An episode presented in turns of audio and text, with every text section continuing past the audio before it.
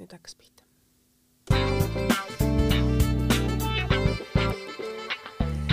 Tere, minu nimi on Kristiina Heinmets ja te kuulete ajakirja Eesti Naine podcasti. täna on stuudios naine, keda ma olen oodanud siia stuudiosse juba veebruarikuust saadik, aga veebruaris oli meil kõige suurem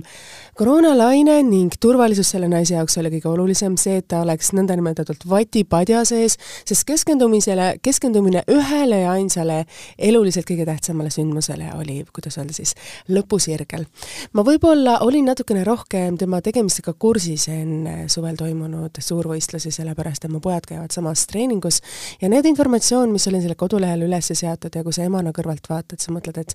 et kuidas see naine suudab seda teha, tal on väike poeg, ta peab kõige sellega hakkama saama. Ja teades seda, kui oluline on tegelikult see emotsionaalne stabiilsus selle füüsilise kõrval, et kui sa suudadki kõik need treeningud läbi, läbida, siis omada seda emotsionaalset tasakaalu, et sa suudad see üks-ühele võistlustele anda enda parima ja sa suudad teha selle ühe väikse i-täpi rohkem kui sinu vastane, et seda ma olen mõistnud, et see, kuidas öelda, nii see, selle naise treener kui kes on ka minu poiste treener, on teinud just öelnud, et see emotsionaalne tugevus on see, mis teeb sinust, annab sulle selle X-faktori ja mis viib sind tippu sellel spordialal. nii et tere tulemast, pisikese poja ema, tere tulemast sellel suvel ennast Eesti kuldsete tippsportlaste nimekirja kirjutanud naine, naine, kes on teinud midagi nii noorelt ja saavutanud rohkem kui suurem osa inimesi terve oma elu jooksul tere tulemast, Katrin Leis! tere, aitäh niisuguse vägeva sissejuhatuse eest ma arvan, et see on väga tagasihoidlik võrreldes sellega, mida sa oled ise pidanud läbi nende aastate jooksul. sa oled ju tegelikult kahekümne kuue aastane. sinu sünnipäev on ainult mõne päeva pärast, saade läheb meil eetrisse seitsmeteistkümnendal detsembril ja sinu sünnipäev on üheksateist detsember, et ja. kas see aasta on olnud sinu elu kõige ilusam ja kõige suurem kingitus? oh, no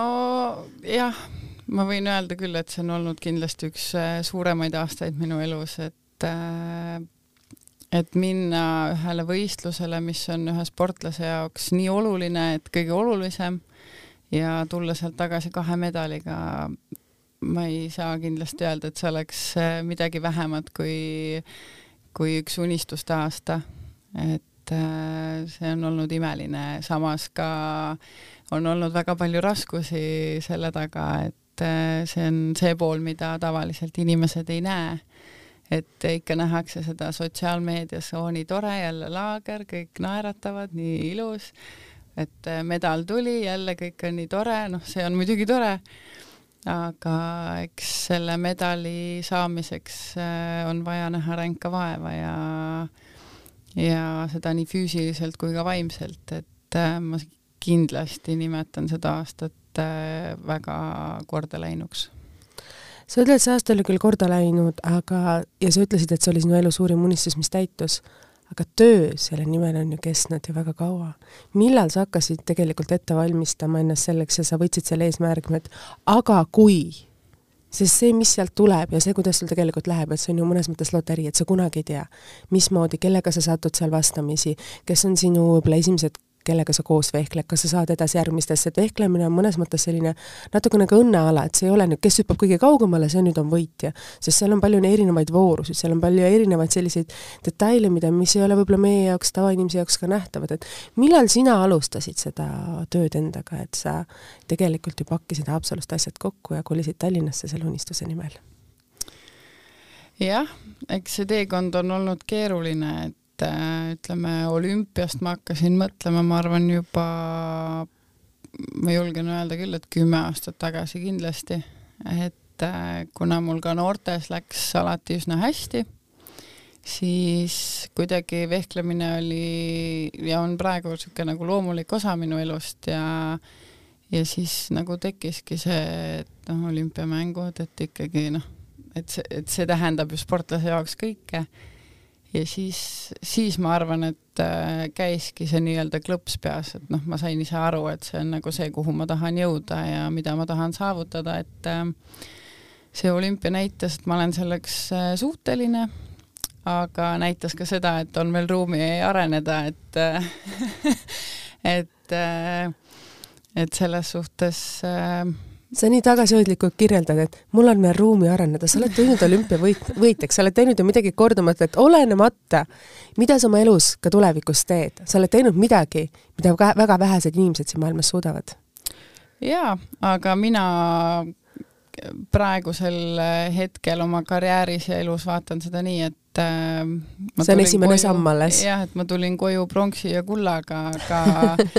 aga see esimene võiks ju ka vabalt olla kuldne, see esimene medal, et äh, selles suhtes jah, mina näen seda kui nagu võimalust jälle kuhugi areneda ja jälle tõusta kõrgemale. kuidas sa üldse vehklemise juurde sattusid, et kui mõelda kümme aastat tagasi, sa olid siis kuueteistaastane tüdruk, noor tütarlaps kuidas sa oskasid juba sellel ajal mõelda, et jah, olümpia on midagi sellist, mida ma tahaksin elus saavutada, et kus sai see teekond sul alguse, kui vanalt sa alustasid siis EP-ga, et aasta vist oli kaks tuhat neli. kuidas sa sinna juurde sattusid? jah, äh, ma ei ole niisugune väga varajane alustaja, et ma ei läinud kohe esimese klassi algusest äh, vehklema. mis siis et... Haapsalus on natuke nagu tavapärane jaa, et üldiselt Haapsalu inimesed on äh, enamus vähemalt läbi käinud vehklemistrennist, et äh, mina kohe ei läinud, kuna mul oligi, õde oli vehkleja.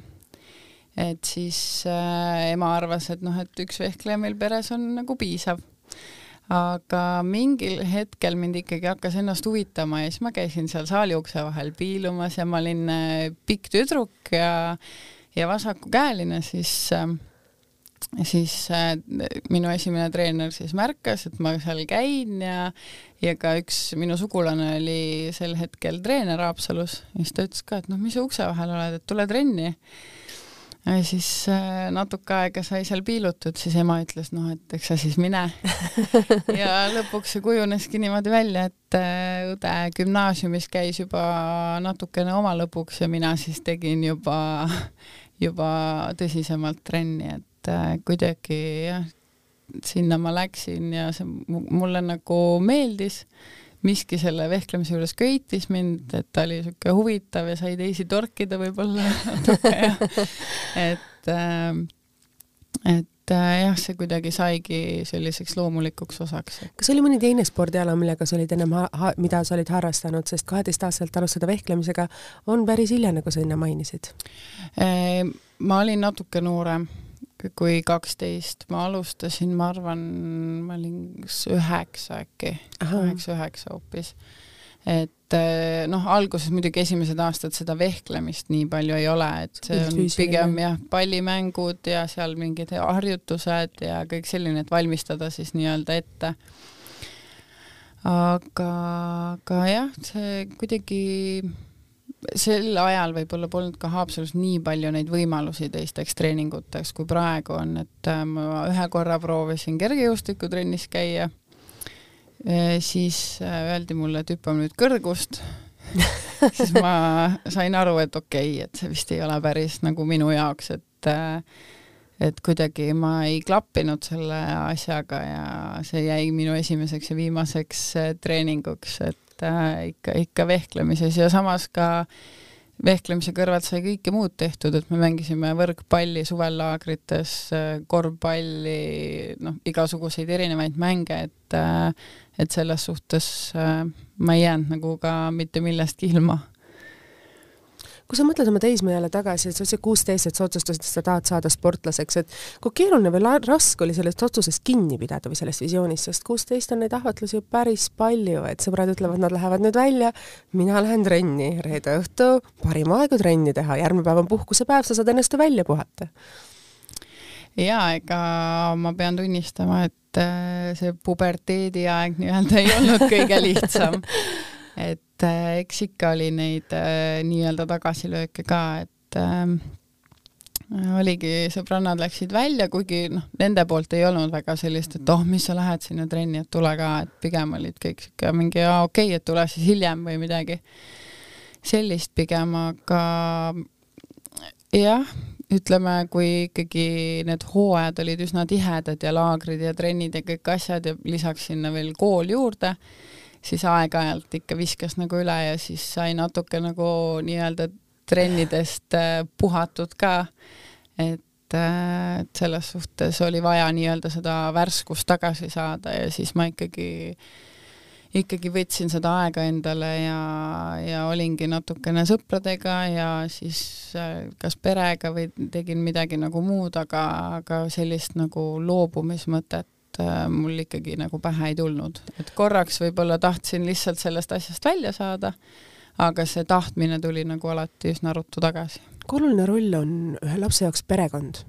Sest teha sporti tähendab seda, et sinu vanemad peavad võimaldama, et sa saad trenni minna. sinu vanemad peavad sind inspireerima, et sa sinna trenni läheksid. ja isegi kui sa ei taha, siis nad seisavad seal, kuidas öelda, sinu toa ukse taga, ütlevad, Aska, sul on trenni aeg, mul kurk valutab. ei, sul ei varu-, valuta kurk, kui sa tahad homme minna klassiõhtule, sa lähed täna trenni. et kui palju sa ise seda mäletad oma lapsepõlvest, sest, sest kui sinu kõrval ei ole vanemat, kes sind ütleb, et ja sind toetab sinu unistustes ja ei aita sind selles, siis sul mingil hetkel kaob see inspiratsioon, see tahe ära. sa näed, et miks ma teen seda, miks mul seda vaja on, et see vanema toetus on väga oluline. kindlasti on oluline vanema toetus ja noh, kui ma ütlesin alguses, et mu ema ei tahtnud perre kahte vehklejat, siis äh, mingi hetk ta sai ikkagi aru, et see on asi, mis mulle endale nagu väga meeldib, mis mul ka väga hästi välja tuleb ja see oli nagu see moment, kus ta sai aru, et noh, et, et tal ei ole nagu ka mõtet vastu astuda sellele, et kui laps ise nagu nii noh, on nii entusiastlik selles asjas. et äh, ja siis noh, loomulikult, kui olidki need hetked, kus mul sai nii-öelda kõrini ja ma tahtsin natuke puhata, siis oligi ema nagu aitas ka ikkagi ree peale tagasi, et noh, et, et, et sa ikka ei saa puududa, et noh, et käi ikka trennis ka ja et noh, et võta siis natuke rahulikumalt, aga mine ikka, et noh, et et see paus ei läheks nagu väga pikaks või noh, kõik sellised asjad, et loomulikult see võib-olla ei taha kuulata sellises vanuses äh, eriti, aga samas äh, ikkagi nagu see, see, see avaldab mõju kindlasti lapsele ja avaldas mulle ka mõju ja ma arvan, et ta avaldas väga positiivset mõju, et see toetus on väga oluline. et su ema on su kõrval ja sellel hetkel ütleb, ütleb ma ei jaksa, siis sa ütled jaksa küll, aga mine tee natukene. jaa, et äh, alati ei ole see, et peab üle punnitama, et äh, et äh, tema nagu ütleski, et et ära nüüd nagu ka päris päris siis äh, niimoodi ära ka kao, et ikka, ikka mine ja ikka mine ja noh, sest et ta nägi, et ma tegelikult tahan, aga lihtsalt ühel hetkel oli see, et oo, et ma korraks ei taha. et siis äh, see, see on nagu oluline, et sellel hetkel siis oleks see tugi just olemas, et, äh, et niisugune väike juhendamine, et et päris ära ei kaoks. mis on võib-olla need hetked, mida sa mäletad lapsepõlves, mis andsid sulle selle indu ja julgustust juurde, et oli mõni võit või mingisugune erinev treening või mingi hea sõna kelleltki, sest noh, me kõik vajame mingil hetkel tunnustust, et me saaksime astuda järgmise sammu ja järgmise sammu jah, no ma arvan, et minu jaoks oli see tagasiside nagu minu tulemuste näol, et äh, et ma olen kadettide vanust tulnud Euroopa meistrivõistluste hõbedale ja me oleme võistkonnaga võitnud erinevaid medaleid, ma olen noortes ka individuaalselt saanud erinevaid medaleid, et selles suhtes ma arvan, et minu jaoks oligi nagu see selline Hea motivatsioon ja et see näitaski mulle, et noh, et mul ei ole nagu põhjust midagi muud nagu valida või seda nagu lõpetada, et äh, mulle meeldis, mul tuli see hästi välja, mul olid tulemused, või noh, on tulemused siiani, et äh, et jah, mul ei ole nagu selles osas võib-olla seda motivatsiooni otseselt kunagi nagu vaja läinud, et see on nagu olnud minu sees kogu aeg olemas kui sa mõtled nüüd sellele hetkele tagasi, et valmistud, valmistumisel olümpia jaoks sa pidid langetama mingil hetkel otsuse. sul tuli teha päris suur elumuutus. et sa pidid kolima kogu oma, kuidas öelda, oma perekonna, oma asjad siia Tallinnasse et kuidas sa nagu sellele hetkele tagasi vaatad, et sellele raskustele, et kas sa pidid sõitma liinibussis selle raske varustusega, mida ma ise tean, mida ma olen tassinud oma poiste kotte, et see kiiver, need erinevad mõõgad ja kogu siis, kuidas öelda, selle spetsiaalsest raskest materjalist tehtud need riided, et sa mõõksad läbi ei lähe, et see on päris raske, et kuidas su elu oli siin Tallinnas, sest Haapsalus sa olid ju üles kasvanud, seal oli su perekond, seal oli kõik turvalisus ümber ja sa lihtsalt hüppasid pea ees vette, et mul on nüüd üks unistus, aga ma ei tea, kuidas ma, mhm. kas ma saan ja ujun sealt välja no jaa, Haapsalus oli selles suhtes lihtne, et kõik oli käe-jala juures, sai jala mindud kooli, jala mindud trenni alati, et jala vanaema juurde, et ei olnud sellega nagu probleemi. aga üks hetk jah, siis kui ma otsustasin, et ma ikkagi tahaks selle muutuse ette võtta siis noh, eks äh, suur osa oli ka sellel, et äh, perekonna toetust oli vaja, et päris üksi niimoodi ei saa hüpata ju kuhugi, kui sul on äh, perekond, elukaaslane ja väike laps ka, et äh, ema mul juba elas palju aastaid Tallinnas, elab siiani ja õde samamoodi ja siis arutasimegi elukaaslasega ja siis kuidagi nagu tegime selle otsuse ja niimoodi me siia jõudsime, et äh, kas see oli ka šokk sinu jaoks, see Tallinna elu? see on ju teistmoodi kui Haapsalu väikelinn. minul oli võib-olla isegi lihtne, sest minul hakkasidki nagu trennid ja see rutiin hakkas nagu välja kujunema kiiremini, et äh, et äh, harjumatu oli võib-olla see, et kui sul on midagi vaja, siis Haapsalust sa pidid sõitma Tallinnasse, et seda osta, siis nüüd oli kõik kõik nagu selles osas käe osa, käe-jala juures, et äh, kui oli midagi vaja, läksid aga poodi ja siis äh, said selle kohe kätte, noh, ükskõik mingi riideese või midagi, et äh, Haapsalus seda valikut nii palju ei ole ja ja eks, eks ta oli ikka harjumatu ka mingil määral, aga ma, ma arvan, et ma võin öelda, et me ikkagi üsna ruttu harjusime ära, et meile meeldib ja ma arvan, et see on ka see, miks, miks me nii ruttu harjusime mis oli ka nendes treeningplaanides, sa ütlesid, et sa väga kiiresti keskendusid nendele treeningutele, mis oli see treeningplaanis, mida sa siis kohe nagu võtsid ette, sest noh, sest see oli see hetk, kui te hakkasite juba tegema ettevalmistusi olümpiaks? jaa, noh, treeningplaan on äh, Nikolail alati väga paigas ja väga detailselt paigas, et äh, et kui ma alustasingi temaga koostööd, siis äh, temal oli oma nägemus, kuidas ja mida peaks nagu tegema. eks algus oli kindlasti raske, et äh, me ei teadnud üksteist äh, nii hästi, et oli vaja nagu hakata üksteist võib-olla mõistma, et aru saada, et äh, et mida üks mõtleb äh, mingi teatud asjaga ja kõik see, et äh, see võttis ikkagi omajagu aega ja treeningud läksid äh, üsna kiiresti päris intensiivseks, et äh, Nikolai on noh, kõik teavad teda terve elu kui väga suurt töölooma ja ja treeningud olid tõesti väga-väga intensiivsed. mitu tundi sa trenni teed päevas, kui on ettevalmistus olümpiaks, palju siis ja palju on see selline tavaline miinimum? no tundides on nagu raske öelda, et äh, noh, eks olümpiaks ettevalmistumine on niisugune täppisteadus, et see ka väga palju sõltub enesetundest, äh, kui palju aega on jäänud äh, olümpiani, kui palju aega võistlusteni, kõik see, et ütleme noh, kui on niisugune ettevalmistusperiood või niisugune intensiivsem periood ja samamoodi laagrid, et siis meil on ikkagi kaks korda päevas on pikad treeningud täis vehklemist, et äh, et see on üldiselt niisugune nädal aega, kaks korda päevas. Ja siis äh, kui see kestab pikemalt, siis on rohkem kui, kui nädal aega kaks korda päevas, aga jah, see, see vehklemisest, see sõltub väga palju perioodist ja mõning-, mõningal määral ka enesetundest, et äh, mitu mõõka sul kulub aastas, ma tean, et need mõõgad valmistatakse, Nikolai on valmistanud minu poegade mõõgad, neid on mul väga mitu kodus olnud, tullakse koju, pea norus, mul läks täna mõõk katki, ma ei tea, millega ma homme võistlustele lähen, palju sul on neid olukordi olnud ja palju sul on mõõki kotis? natuke parandan, relvad. relvad, vabandust. et äh, minul on neid kotis tavaliselt neli-viis. Äh, ma ei ole väga suur lõhkuja, et et äh, ma isegi ei ei mäleta, millal sa viimase ära lõhkusid? ma ei mäleta, millal mul oleks viimane läinud pooleks päris, et äh, nad lähevad küll äh, hästi ruttu selliseks nii-öelda vormist välja, et nad äh, hakkavad hästi kergesti painduma, lähevad hästi pehmeks aga ma ei mäleta, millal ma viimase tera pooleks torkasin, et sellest no, on juba mõnda aega möödas. mina olen neid kotis näinud ja siis ma olen mõelnud, no mida ma jälle teen, siis sa helistad hilisõhtul treenerile, et meil on relv katki, meil on hommikul võistlustele minek, mis me teeme, ma panen ühe kaasa, et et neid olukordi on sul kindlasti endal ka ees ja, olnud, et jaa, eks äh,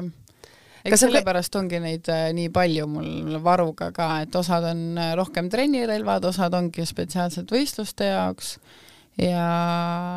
eks äh, noh, juhtub neid, et nad, võib-olla nad lihtsalt ei tööta, midagi kuskil on äh, seal relva sees katki ja et selliseid asju tuleb ikka ette, aga siis ongi see hädaabikõne Nikolaile. Et midagi ei tööta või trennis läheb, et siis ta ikkagi võtab enda kätte ja teeb kõik, äh, mis vaja. Kui palju on olnud sul neid olukordi, et sa tead, et sul on see vastane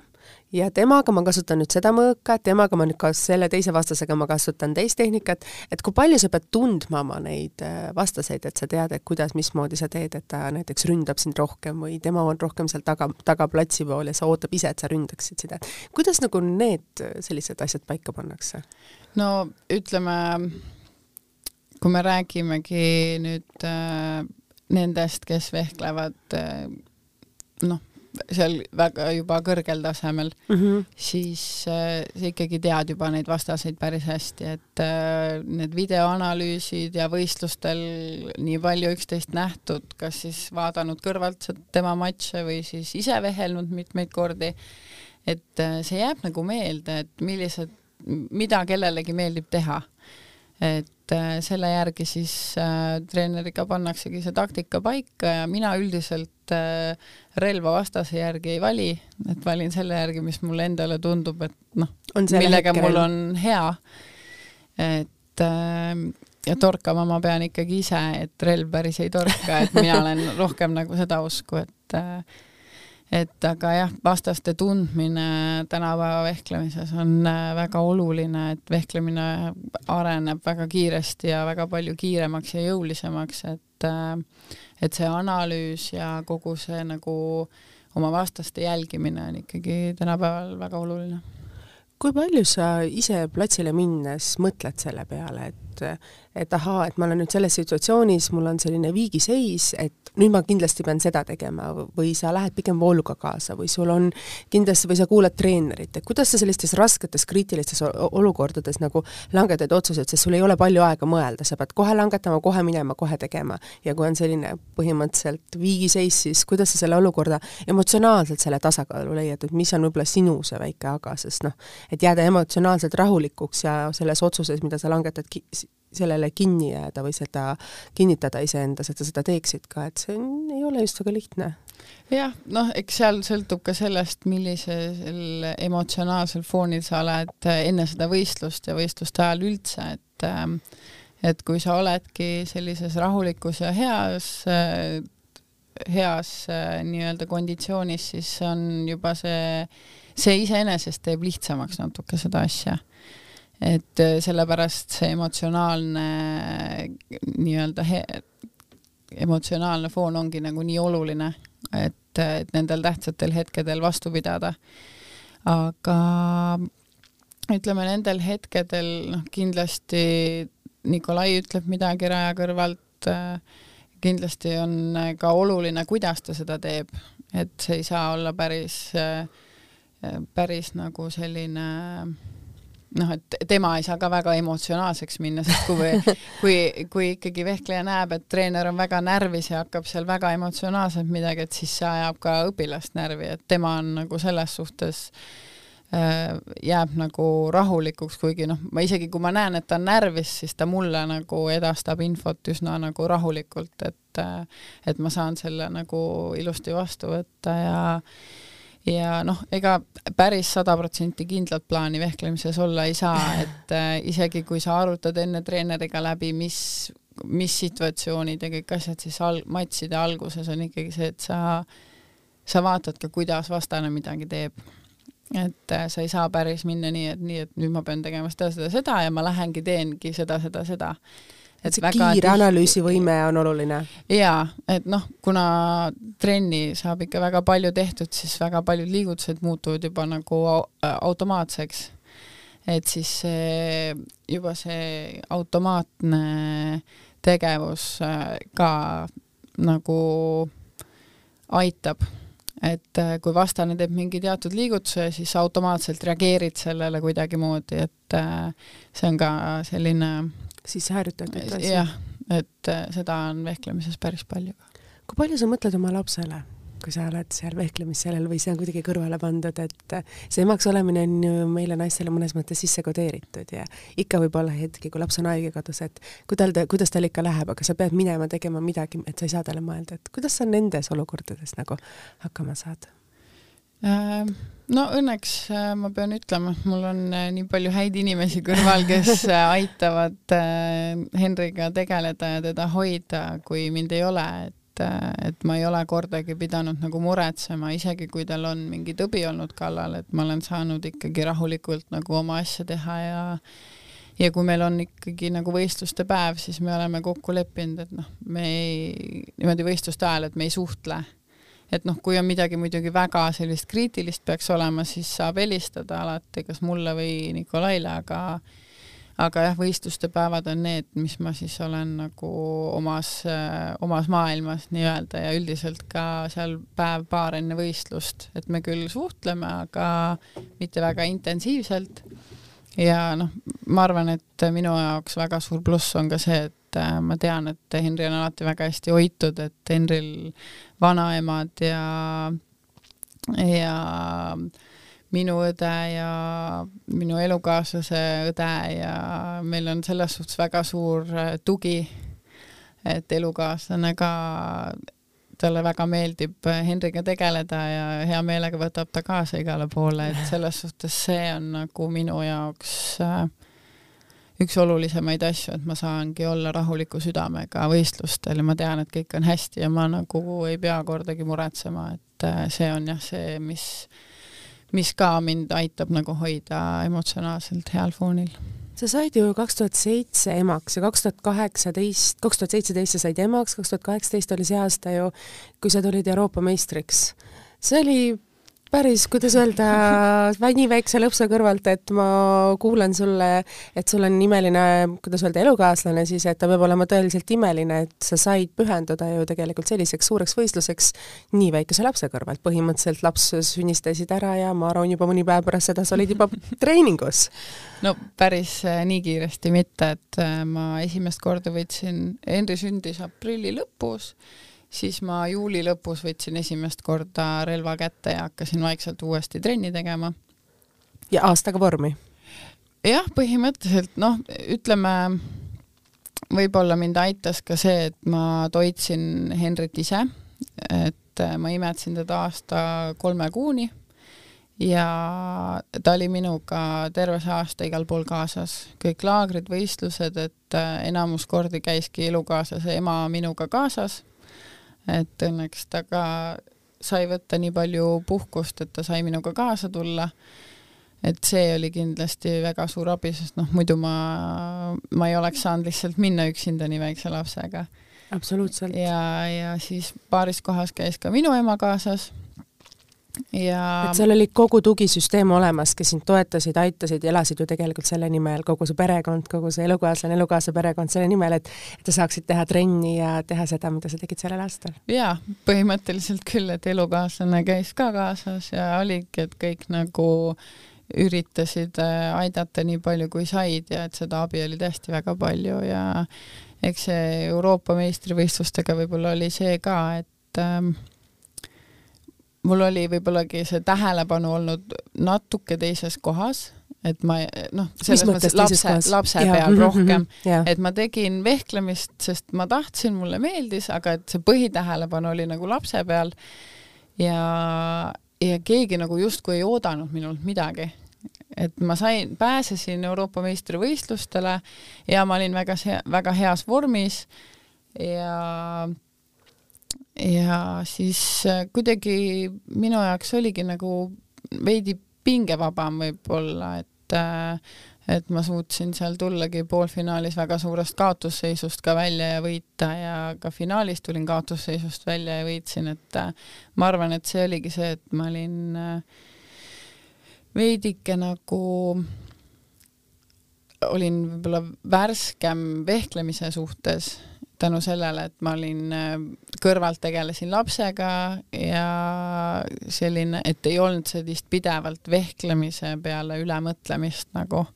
sa ütled praegu väga huvitavalt, et ei olnud ülepinget, ei olnud sellist ainult vehklemise peale keskendumist, et mis on siis need asjad, mis hoiavad sind nagu tasakaalus, et sul on nii palju asju, millega sa pead tegelema ja kui sul on vaja võtta see samm tagasi, võtta see, kuidagi leida kontakt iseenda sisemusega, sest noh, meil on olukordi, mis võivad ju, kuidas öelda, me sellise fookuse viia laiali, sest meil on ju palju asju naistena laua peal, et mis on võib-olla see, mis sulle aitab, et kas sa loed raamatut, käid teatris, jalutad metsas, et mis toob sulle selle rahu sisse tagasi?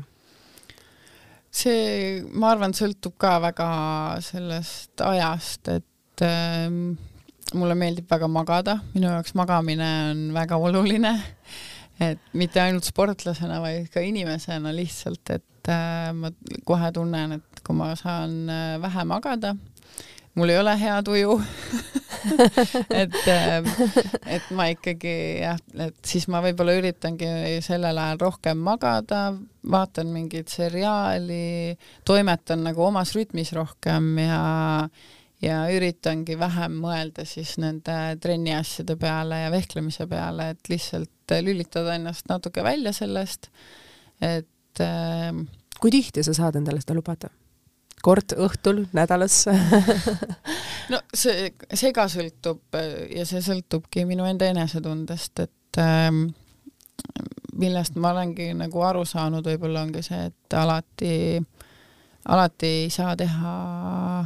jõuga neid asju, et kui ikkagi inimene tunneb, et äh, nüüd läheb paljuks ja et nüüd on vaja korraks midagi hoogu maha võtta või korraks teha midagi teistmoodi, siis tegelikult ähm, minu, minu arvates on see nagu palju parem variant kui see, et ikkagi nagu jõuga suruda ja suruda, kuniks üks hetk enam üldse ei jõua.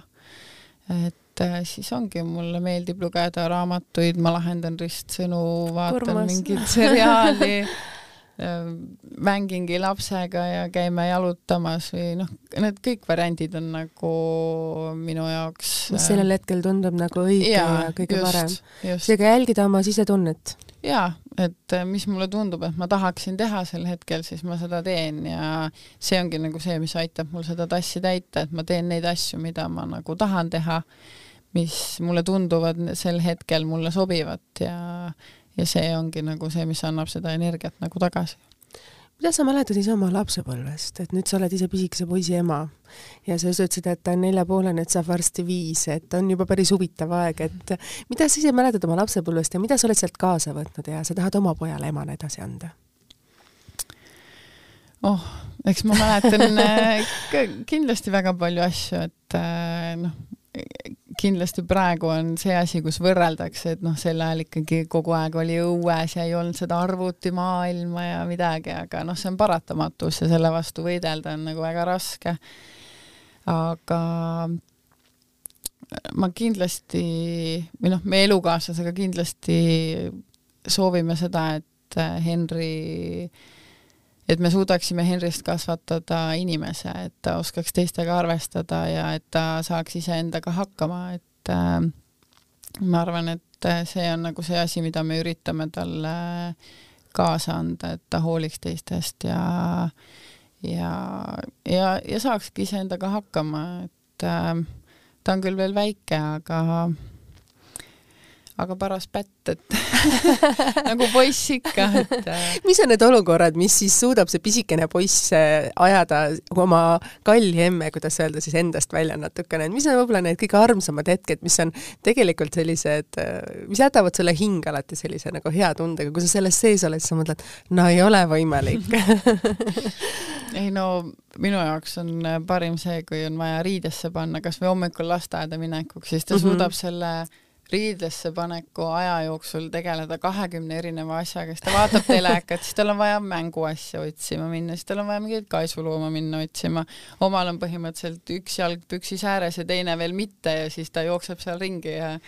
siis vaatad, mõtled, et okei okay. mis ma nüüd teen, kuidas ma ta riidesse saan, et või kuidas ma saan. sest aeg jookseb, aega, sul on vaja trenni minna, temal on vaja lasteaeda jõuda ja söögiajaks. jaa, et tihti ongi see, et äh, me lähme koos äh, ära hommikul kodust, et äh, lõpuks selle tema kahekümneminutilise riidesse panekuga hakkab juba kiire, et mina peangi otse sealt trenni minema ja siis ongi, et noh, et Henri, tee nüüd rutem, tee nüüd rutem, lähme, lähme. miks ma ei taha, miks ma pean? et, et see on siis pärast mõtled, et noh, et tegelikult ei peagi et noh, ma ikkagi üritan endale nagu aru anda, et ta on veel nii väike, et ma ei saa kogu aeg Äh, seda oodata, et ta teeks kõike minu rütmis ja minu nagu tempoga. Et siis ma olengi üritanud seda aega nagu võib-olla varasemaks lükata, et ta neid asju hakkaks tegema, et siis tal jääb nagu endal rohkem aega neid neid ringijooksmisi nagu ära teha, et et anda lapsele rohkem aega, et see on jah, see, mis on ainuke vahet, sest ega ükski muu asi, käske, keeld ja, ja. tagant kiirustamine ei aita ei aita jah, et äh, sellega lihtsalt iseennast äh, kütad rohkem üles, et sellepärast ma olengi tema riidesse panek hakkabki kakskümmend viis minutit enne seda, kui ta peab seda tegelikult tegema põhimõtteliselt, et äh, mida on emaks saamine sun, sinule õpetanud, et kindlasti see väike inimene maailmas kõige tähtsam sinu jaoks ja sa oled nõus mida iganes tegema, kas või läbi seina minema, kui see peaks olema vajalik, et mida see on õpetanud sulle? oi, ma arvan, väga palju. eelkõige ma arvan, et äh, algus just seda kannatust et kuna ta oli selline laps, kes magas alguses seal kahekümne minuti kaupa ja neid pikemaid unesid oli nagu väga vähe, siis oli üsna niisugune stressirohke aeg ja ma arvan, et see õpetabki väga palju kannatust, sellepärast et noh, sa saad aru, et ta on nii väike ta ei saa veel midagi aru, et noh, sa ei saa teda selles süüdistada. ja siis sa oledki lihtsalt et kakskümmend minutit ta magab, siis üritad ise korra istuda ja siis, kui ta ärkab, siis jälle tegutsed ja ja et see, seda aega meil oli päris palju, kus ta ei osanud äh, magada hästi, et äh, et ma arvan jah, et see kannatus ongi kõige selline suur, selline suurem asi, mida ta on õpetanud kas sa mõtled oma lapsepõlvele, et ähm, ma mäletan seda, kui ma sain emaks, siis iga lapsega tuli kaasa mõni selline vanasõna või ütlus, mida su ema sulle kordas ja mõtlesid, et no räägi, räägi, räägi. Ja siis sa avastad emana, et no näed, nüüd ma olen ise samas olukorras, et on sinul midagi, mida sa võtsid oma emalt kaasa? kindlasti, aga ma ei tea, kas ma oskan niimoodi välja tuua neid asju kohe, et ähm, kohati mulle tundub, et ma olen oma emaga väga sarnane ja mida aasta edasi, seda rohkem mulle see tundub et äh, selles suhtes ma jah, ma arvan, et ma päris kindlasti võtsin äh, mitte ainult ühe, vaid mitu asja kaasa, aga selle peale peaks juba natuke mõtlema et mis ja kus ma küsiksin siis, et millal saab sinu pojakene endale või venna? oh, seda veel ei tea. see on üks äh, parajalt raske teekond, mida ka ette võtta, et äh, et aeg-ajalt juba, ma ei tea, kas ta lasteaias kuuleb, räägitakse õdedest-vendadest, aga aeg-ajalt ütleb, et millal ma endale õe või venna saan. noh, et kuidas sa seletad nüüd lapsele, eks ju. et noh, et veel vist nagu ei saa, et vaatame kunagi hiljem. aga eks mingi päev ikka, aga ma arvan, et äh, mitte veel lähiaastatel, et praegu vaatame Pariisi poole ja siis juba vaatab edasi. kas sa juba täna alustad äh, Pariisi poole ettevalmistustega? põhimõtteliselt sa võtad, planeerid juba selle järgnevad põhimõtteliselt neli aastat ära, et nüüd ma võtan selle asja perioodi võib-olla puhkan, nüüd ma teen neid ettevalmistusi, võib-olla mingitele võistlustele ma lähen, mingitele ma ei lähe, et kas see ettevalmistus hakkab, hakkab juba täna? no põhimõtteliselt küll jah, kuna Tokyo lükkus ikkagi aasta edasi ja, ja Pariis on kolme, kolme juba mm -hmm. kolme aasta pärast, siis põhimõtteliselt võib öelda, et et ettevalmistus selleks tegelikult on juba peal. Ja see võib-olla isegi oli natuke algas enne Tokyot, et et kuna see aeg jah, on nagu nii lühikeseks jäänud ja enne Tokyot meil ei olnud ka võistlusi, siis äh, kui nüüd jaanuarist loodetavasti hakkab see meie hooaeg ikkagi nagu nii-öelda normaalselt pihta, siis äh, siis ma arvan, et äh, tahaks ikkagi nagu juba saada seda tagasisidet, et kuidas ma suudan nagu nii järjest nendel võistlustel vehelda ja mis see nagu mis, mis need võistlused nagu näitavad, mis see pilt on ja mida veel nagu tegema peaks, et äh, ma arvan, et äh, see kõik ongi juba Pariisi valguses, et jah. Kuhu edasi nagu selles mõttes, et Pariis on sul siht, siht, sihtkoht juba, mis on juba varsti, aga kuhu sa edasi tahaksid jõuda, et mis on võib-olla sinu kõige suurem unistus, sa ennem hetk tagasi mainisid, et see kuldne üksik epee võistluse võitmine siis olümpiamängudel on see suurim unistus?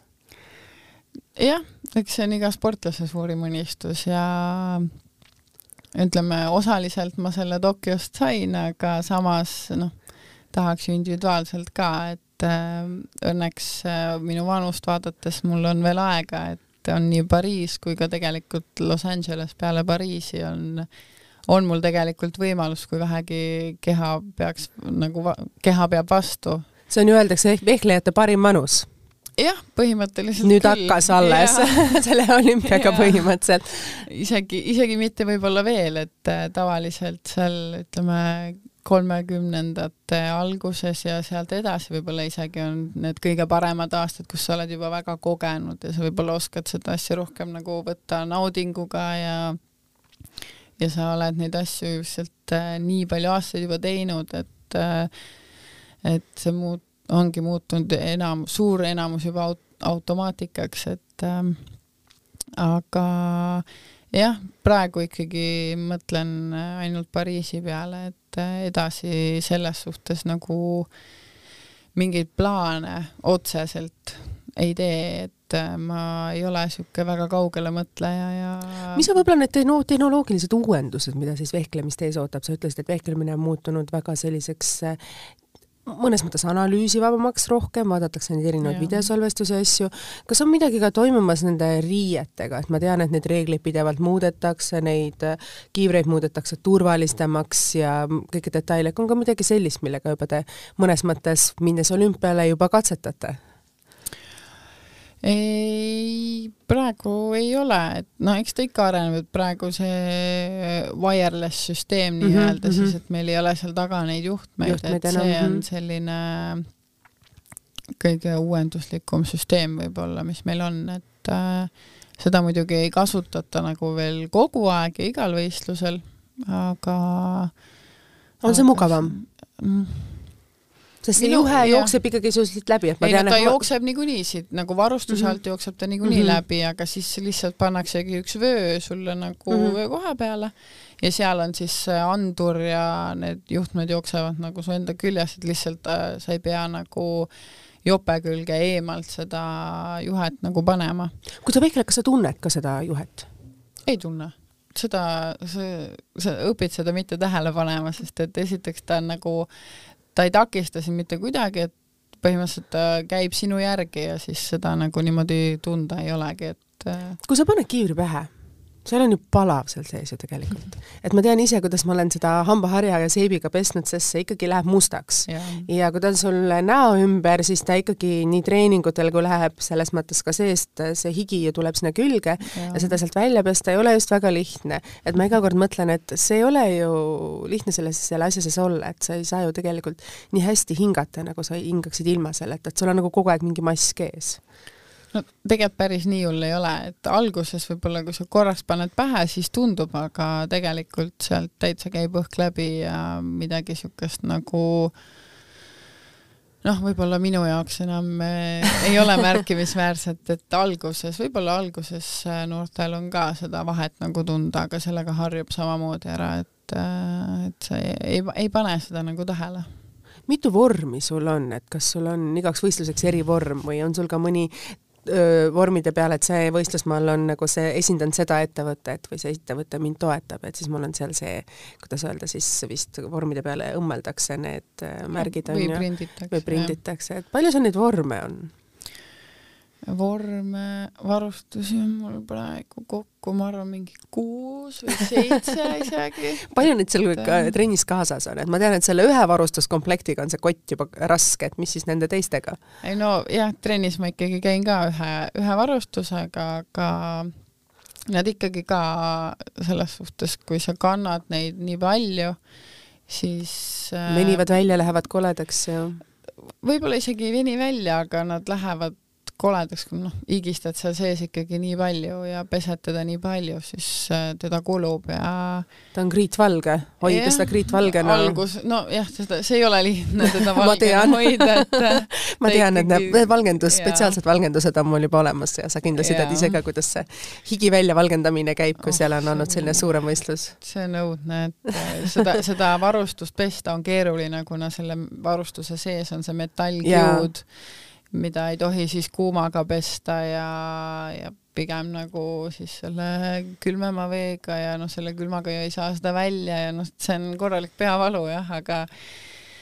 aga midagi ei ole teha, kuidagi harjud kõikide nende asjadega ära ja see on nii normaalne elus, et sa ei mõtle enam selle peale? jaa, no aga jah, toetajad, selles suhtes mul on toetajad kogu aeg nagu varustuse peal, iga varustuse peal olemas ja et et seda ei ole, et ma igal võistlusel erinevat toetajat esindaks, vaid pigem ongi see, et nad on mul kõik kogu aeg peal ja ja nähtaval, et äh, tänu nendele see koroonaaeg saigi üle elatud. kas sa mäletad oma sportlase karjääri algust, sest äh, sa Haapsalust tulles sa ütlesid, et Tallinnasse oli vaja minna ostma seda või teist või kolmandat, et kui keeruline oli tegelikult sinu perekonnal või kust tulid need toetused, et minna nendele rahvusvahelistele võistlustele, sest no nähes siis oma poiste võistlusgraafikut, siis ta võiks olla põhimõtteliselt iga nädalavahetus kuskil Euroopa riigis, Euroopa otsas, osaleda mingitel võistlustel, koguda seda kogemusi, punkte ja siis ollagi see tulevane olümpiamängija. et kuidas need asjad tegelikult sinu perekonnas äh, lahendati, et see oli kindlasti keeruline ja selline mõtlemapanev aeg sinu vanematele? jaa, eks ta kindlasti oli, et aga samas ma saan ka öelda, et äh, et äh, mind nagu lapsena sellesse võib-olla väga ei kaasatud.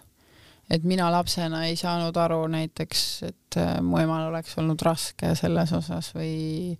või midagi sellist, et ta kuidagi tegi alati nii, et ma isegi, ma nagu ei osanud sellist asja märgata, et et sellel ajal muidugi neid Euroopa etappe oli ka vähem, et äh, kus me käisime, käisime Soomes ja see oli praktiliselt ka kõik, et äh, et sellel ajal jah, nii palju neid Euroopa etappe nii noortel ei olnud ja selles osas võib-olla oli natuke lihtsam, ei olnud nii kulukas, aga vehklemine jah, ei, ta ikkagi on äh, ka kulukas ala, aga, aga jah, et ema, ema toetas ja ja eks noortel ka klubid mingil määral toetavad, et see sõltub klubist, et ma nii täpselt ei tea rääkida sellest, aga aga jah, et see kuidagi, et oleks nüüd väga raske olnud või seda, seda jah, minule niimoodi otseselt välja ei näidatud, et mina jah, jäin nagu sellest asjast lapsena välja. Sa tundsid alati, et pere hoiab, pere toetab sind ja sa saad püüelda oma unistuste poole jaa, ma võin seda öelda küll jah, sellepärast et ma tõesti ei mäleta selliseid, äh, selliseid asju, et ema oleks öelnud, et, et sa ei saa kuhugi minna või et sa ei saa nüüd seda või seda teha, sellepärast et meil ei ole raha või